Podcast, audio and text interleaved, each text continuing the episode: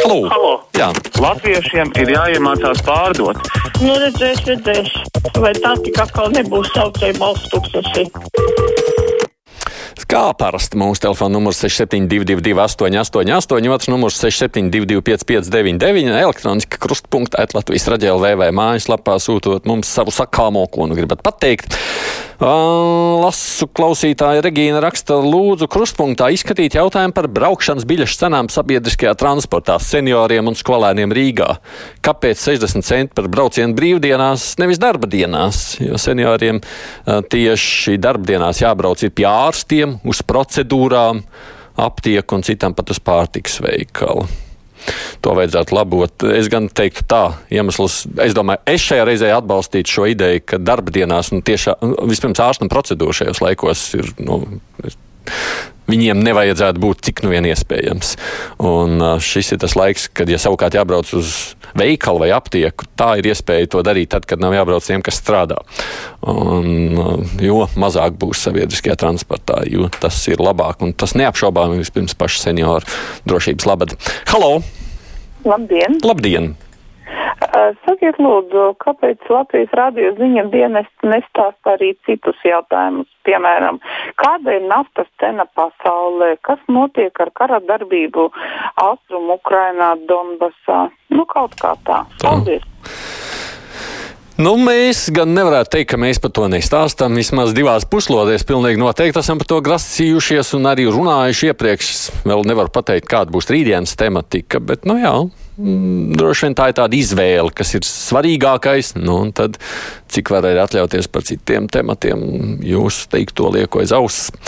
Vai sakarā ar valstu izsludinātu ārkārtas situāciju Rīgā nevajadzētu atcelt maksu par Rīgas satiksmes autostāvvietām, prasa Lošmeļa kungs. Esmu no Siguldas un man jāstrādā Rīgā. Es labprāt uz Rīgu braukt ar savu personisko, bet esmu spiests braukt ar vilcienu un tādējādi apdraudēt gan sevi, gan savu ģimeni. Savu loģiku jau tajā ir, jā, Ločmeļa kungs. Es arī esmu par to domājis. No otras puses, protams, ir skaidrs, ka tajā brīdī, ja būs brīvā piebraukšana, nu, tā mašīnas stāvvieta jau nav tik daudz, lai tur nesāktu riņķot. Es pieļauju, bet es nezinu, es pieļauju, ka varbūt tas jautājums arī kļūs aktuālāks uh, kādā brīdī. Halo! Halo! Parunāsit? Cilvēki, kas Jā. pastāvīgi lieto alkoholu, ir dabūjuši valsts pabalstu no Rīgas sociālā dienesta krasta un ķēngaraga nodaļas. Dienas atbalsta alkohola lietotāju grupu, bet ne, nepalīdz kārtīgiem cilvēkiem un invalīdiem. Pēc pabalsta saņemšanas alkohola lietotājs skaļi spēlē mūziku dzīvoklī līdz diviem naktī pulkstenis un ir braurīgi noskaņots. Kāpēc pāriem nepalīdz, nesapratu? Ne, nelietīgās tradīcijas ir jālauž. Es saprotu, jums uzrakstīts teksts, jūs neesat tā gatavs reaģēt. Es domāju, ka attiecībā uz sociālajiem pabalstiem ir tā, ka viņi ir piešķirti visiem vienādi tik daudz, ka, protams, jautājums ir bijis, vai kaut kādiem cilvēkiem nevajadzētu dot. Nu, morāls debes jautājums tas patiešām ir. Vai nevarētu izdot kādu veselības ministrijas rīkojumu par ārstu attālinātu pieejamību, lai novērstu liekas vizītes pie ģimenes ārstiem vai telefona zvans, kas jāveic tikai, lai izrakstītu kārtīgo e-receptu kroniskām kaitēm vai saņemtu rakstisku slēdzienu par izmeklējumiem? Prasa karalis. Bet ir jau, man liekas, ka gan jebkurš, vismaz mans ģimenes ārsts, pilnīgi noteikti ir norādījis, ka visu, ko vien var, viņš dara attālināti un pieņem tikai tad, ka citādi nevar. Es domāju, ka tā tas ir. Un arī ģimenes ārsts šis te konsultatīvais telefons šādā veidā ir pieejams. Halo! Halo? Jā, lūdzu! Tomtom kungs, Jā. man prieks jūs dzirdēt. Man jūs arī. Ziniet, divas dienas atpakaļ uh, viena kundze bija, nu, nu, nu tik negatīvi noskaņot. Uz mani? Viss Par mani? nav labi, viss ir slikti, viņa ir slikta, karīšs slikts, viss ir slikts. Un tad es gribu, es vakar neuzrīkstējos zvanīt. Un es varu pateikt, liels paldies jums par jū, jūsu humoru, par jūsu smiekliem. Liels paldies Viņķelei, liels paldies Kariņam, liels paldies mūsu valsts prezidentam. Es domāju, ka viņi dara tik daudz un tik pareizi. Es nezinu, jā, es esmu veca pensionāra. Es nekad neesmu zvanījusi jums, noklausos, ko, ko citi stāsta. Ja? Bet man šķiet, ka viņi dara tik ļoti daudz un tik ļoti pareizi. Tas, ka viņi dara daudz, tur šaubu nav. Viņi patiešām ah, ļoti daudz cenšas darīt par pareizumu, jo vienmēr var strīdēties, jo kādam šķiet, ka vajadzētu citādi. Es jau esmu par to savulaik pats pavīpsnājis, ka mums ir ļoti daudz ekspertu, kas visi zina, kā vajadzētu darīt citādāk nekā tiek darīts. Tajā pašā laikā rezultāti jau pagaidām, nu labi, vai nu veiksmes pēc vai citādi, bet nav tik slikti. Šodienas lielākais skaitlis arī ir balstīts uz vakardienas šo te uh, zilā krusta atklātiem smagiem gadījumiem, 27, nu, kas nozīmē, ka tie tomēr ir viena ļoti šaura loka daļa, kas arī labi. Pašlaik nu, saka, rezultāti rāda, ka ļoti būtisks kļūdas neesam pieļāvuši. Kā tas būs tālāk? Nu, lai Dievs dod, ka būtu labi. Tā viesturs saka, tā, labdien, Aidi, man interesants novērojums par aizsargu maskām. Marta sākumā izbraukāja septiņas aptiekas un masku nekur nebija, esot izpirkts. Bet neesmu pilsētā nevienu maskā redzējis. Vai nebija tā, ka Latvijas aptieku ķēdēs tās par lielu naudu nepārdeva uz Ķīnu? Jo likās, ka Latvijā tās nevajadzēs, un tagad pērkam no Ķīnas vēl dārgāk atpakaļ. Ķīna gan arī, man liekas, vienai daļai gādā šobrīd diezgan lētāts summā.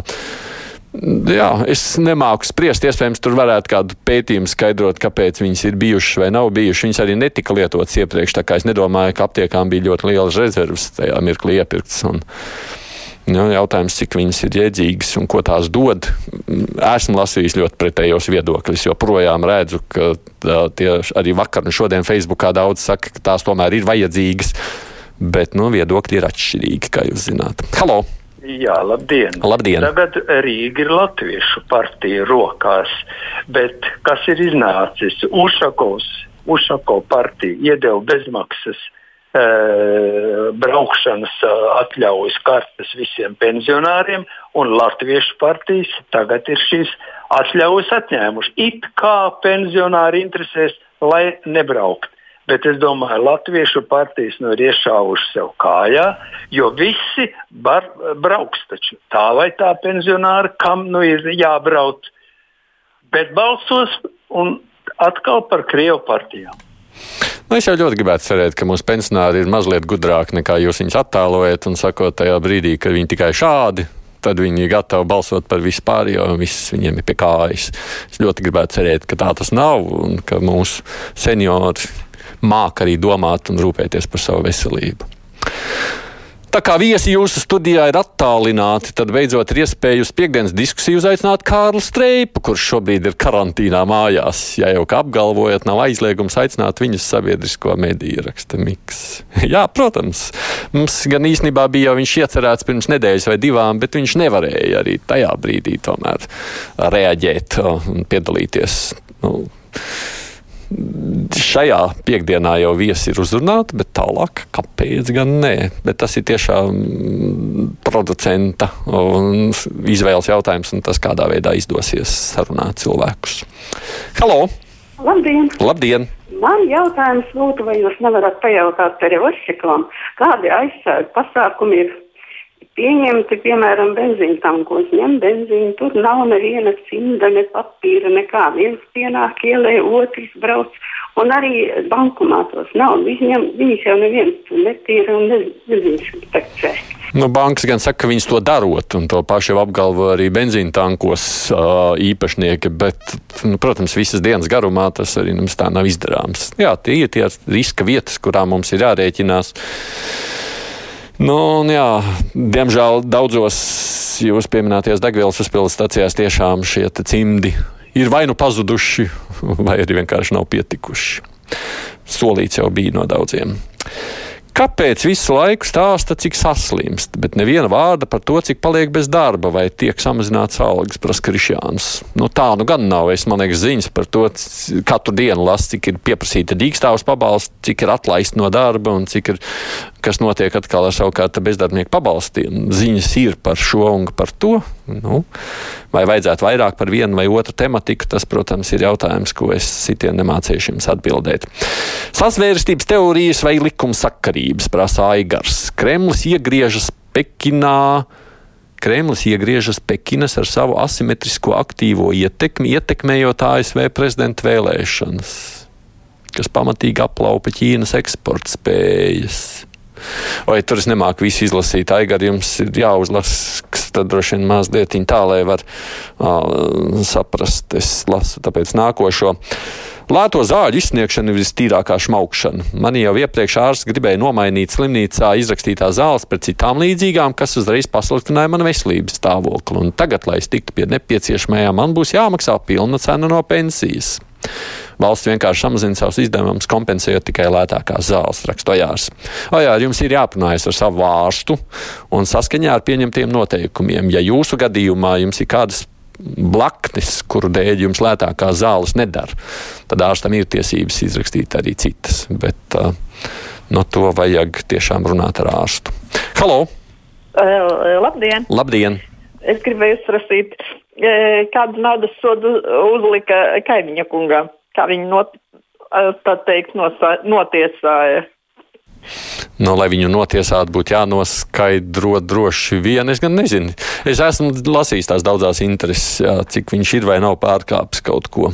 Cerams, ka kāds varētu atbildēt no amatpersonām, lai es te neizliktos gudrāks nekā vajag.